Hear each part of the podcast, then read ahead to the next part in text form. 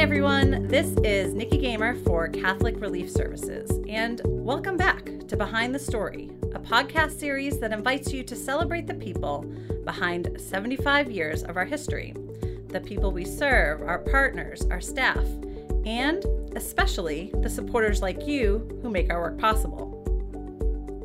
Last month, we took you to 1945, New York City, on that foggy, fateful Saturday morning when a B 25 bomber crashed into the Empire State Building and the offices of Catholic Relief Services. And we were lucky enough to talk to Dana Robinson, whose grandfather, John J. Raskob, he actually built the Empire State Building. This month, we'll explore the 1950s and the excellent adventures of Dana's former boss, Monsignor Wilson Kaiser, who, legend has it, drove across Africa in a VW bus, setting up our earliest programs there. You'll hear from Ambassador Ken Hackett, former CEO of Catholic Relief Services, and more recently, former U.S. Ambassador to the Holy See. Ambassador Hackett worked closely with Monsignor Kaiser early in his career, both in Africa and at the Empire State Building in New York. Ambassador Hackett, thank you so much for joining us.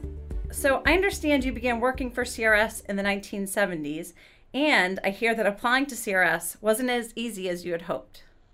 Well, when I returned from the Peace Corps in August of 1971, I got interviews with CARE and the United Nations, and I got turned down by Catholic Relief Services. So that kind of distressed me a little bit, and I had a friend who uh, was the CRS diocesan director in uh, Connecticut. And he said, Well, I know somebody, and I'll get you an interview. And indeed, he did. He set up an interview in New York with a Monsignor Landi, who was the assistant executive director.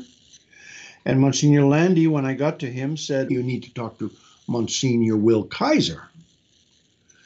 And we had a chat, and Monsignor Kaiser said, Well, what can you do? And I said, Well, Monsignor, I can do just about anything. And Monsignor said, Would you like to go back to Africa? and I was on my way to Sierra Leone, West Africa. So I love how you brought us right to the main character, Monsignor Kaiser. So tell us a little bit about what he was like and what that first meeting was like. What did you notice about him? Monsignor Kaiser was all about people. So that that warmth, um, that that humanness, that that was really apparent when I first met him. He was the regional director for Africa. And he, he had been recently moved back from Kenya to the headquarters in New York. He didn't like bureaucracy very much. And he, he chafed under the headquarters oriented organization. He was a field person. In fact, I'm looking over at a sign that used to be on his desk that says, Trust the troops. He was all about that. You're on the front line. You see the situation. You understand the context. Make the decision. Maybe pray a little bit, but make the decision and we'll go with it because you are there. Where do you think he got all that energy? It's interesting in that if you look at his early days, he was a priest from Rochester, New York, who, after he was ordained, was transferred to Billings, Montana. I mean, that's kind of a real cultural change. This is now in the, I think, late 30s. And he was a parish priest, he was a boxing coach, he ran the CYO. And then, from what he tells, they were looking for somebody to go with war relief services to Germany after the war. And they looked down the list. They saw Kaiser. They said, oh, he must speak German. Get him. Because of his and last name. They called his bishop and he said, Bishop, we want to have this Wilson Kaiser come to work with War Relief Services in Berlin. And that was the beginning of his career with CRS. Wow, I love it. It all it all happened because of a name. yeah and he never spoke a word of German.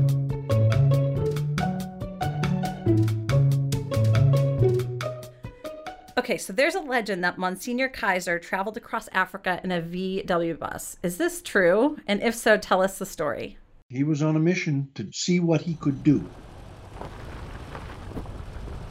He bought a VW bus and allegedly drove down to Gibraltar. He took a ferry across and went into Morocco. Upon arriving in Morocco, he learned well, you don't just drive a VW bus by yourself across the continent of Africa. There were no roads to speak of, they were all dirt tracks. So he found other ways of moving down the west coast by boat. So, in a very short period of time, he covered the continent, opening up CRS programs in uh, at least 20 countries. He was intrepid. I mean, this was late 50s, early 60s. There was lots of malaria, dysentery, all kinds of things. But off he went.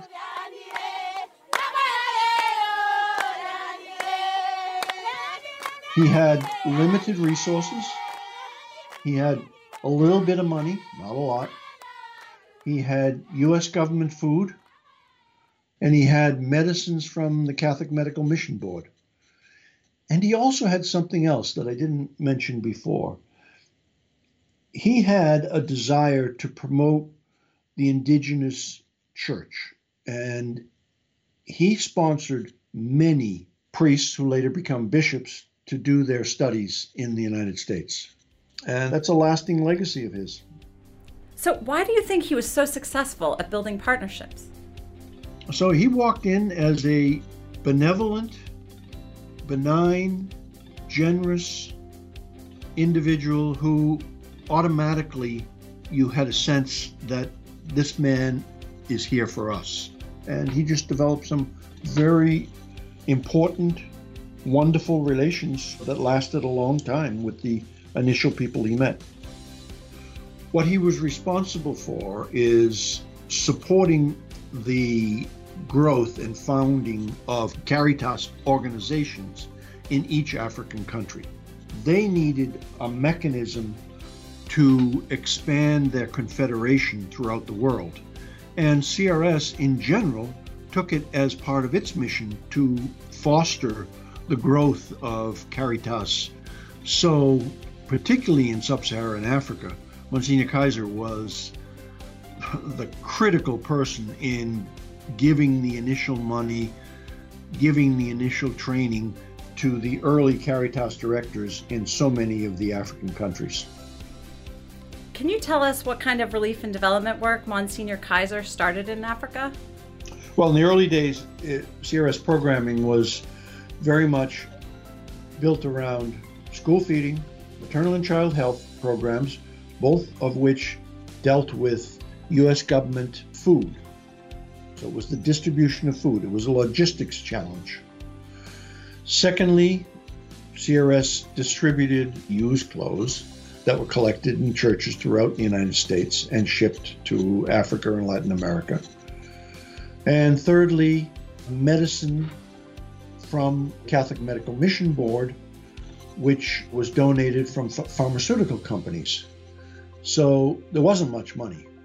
And there were some very generous donors like the Raskob Foundation, like the uh, O'Neill Foundation, uh, and a few other family foundations that Monsignor Kaiser personally developed a relationship with. I think many of us learned something that Monsignor Kaiser was telling us. It's not about the stuff you have or the money you have, it's about the relations you develop. You developed relationships with people from the lady at the Maternal and Child Health Center to the president of the country, and the relationships were all basically the same.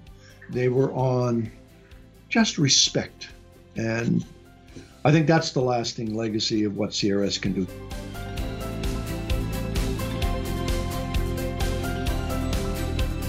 Okay, so let's talk about the role of women, mostly religious sisters, in our early health programs. Can you tell us specifically about one woman that Monsignor Kaiser had on his team, Sister Frederica Jacobs? As I understand it, she was known as Sister Fred. Sister Frederica was this Notre Dame sister, an American, who was living in Nairobi uh, with a PhD in biology from, I think, Trinity College uh, in Washington. Dr. Carlo Capone, who was a consolata priest, brought her in as his first deputy. And she and Capone were just a dynamic team. Capone recognized that one of the big problems was maternal and child health. He would evolve a program for CRS to deal with this question, and it would involve improved nutrition and medical attention for mothers in pre and post natal care. But Sister Frederica went and opened up programs, and in every country where CRS worked and could access U.S. government food, which would be the impetus to the maternal and child health program, Sister Frederica identified a public health nurse, either native in that country or from somewhere. In the French speaking countries, most of them were French. She was selfless, but also brilliant. And she was the one that really took the concepts that Dr. Capone evolved. And in the day, those concepts were pretty cutting edge. Why was it so important then to bring in women as part of this work? So it, there, there wasn't a lot of thought like we got to have gender equity here. It, it just didn't even occur to anybody. Like Frederica was the, the best qualified, the right person. The public health nurses just happened to be women, but they were the best. Some of these characters from our history are just so remarkable. Uh, you consider Monsignor Kaiser a hero and a mentor. So, when you think of him now, what stands out as the most remarkable and enduring part of his legacy? Oh, I think the opening up of sub Saharan Africa is the most enduring part. You know, there was nobody telling him how to do it. He said a prayer and he jumped. And that's wonderful. The second point is how wonderful he was with his people. I mean, he was very much a pastor. He was committed to the mission of CRS, of helping people. Thanks so much for your time with us today, Ambassador. I hope you'll join us again as we continue to explore our 75th, and I know you have a lot more stories to share. You're very welcome, and good luck to everybody. Coming up next month, we'll hear about the famous noodle priest of Hong Kong, Monsignor John Romaniello, whose efforts to save 300,000 children from starvation put him on the classic 1960s TV shows To Tell the Truth and What's My Line. But until then, thanks for listening. And if you can't wait until our next podcast, check us out online at 75.crs.org.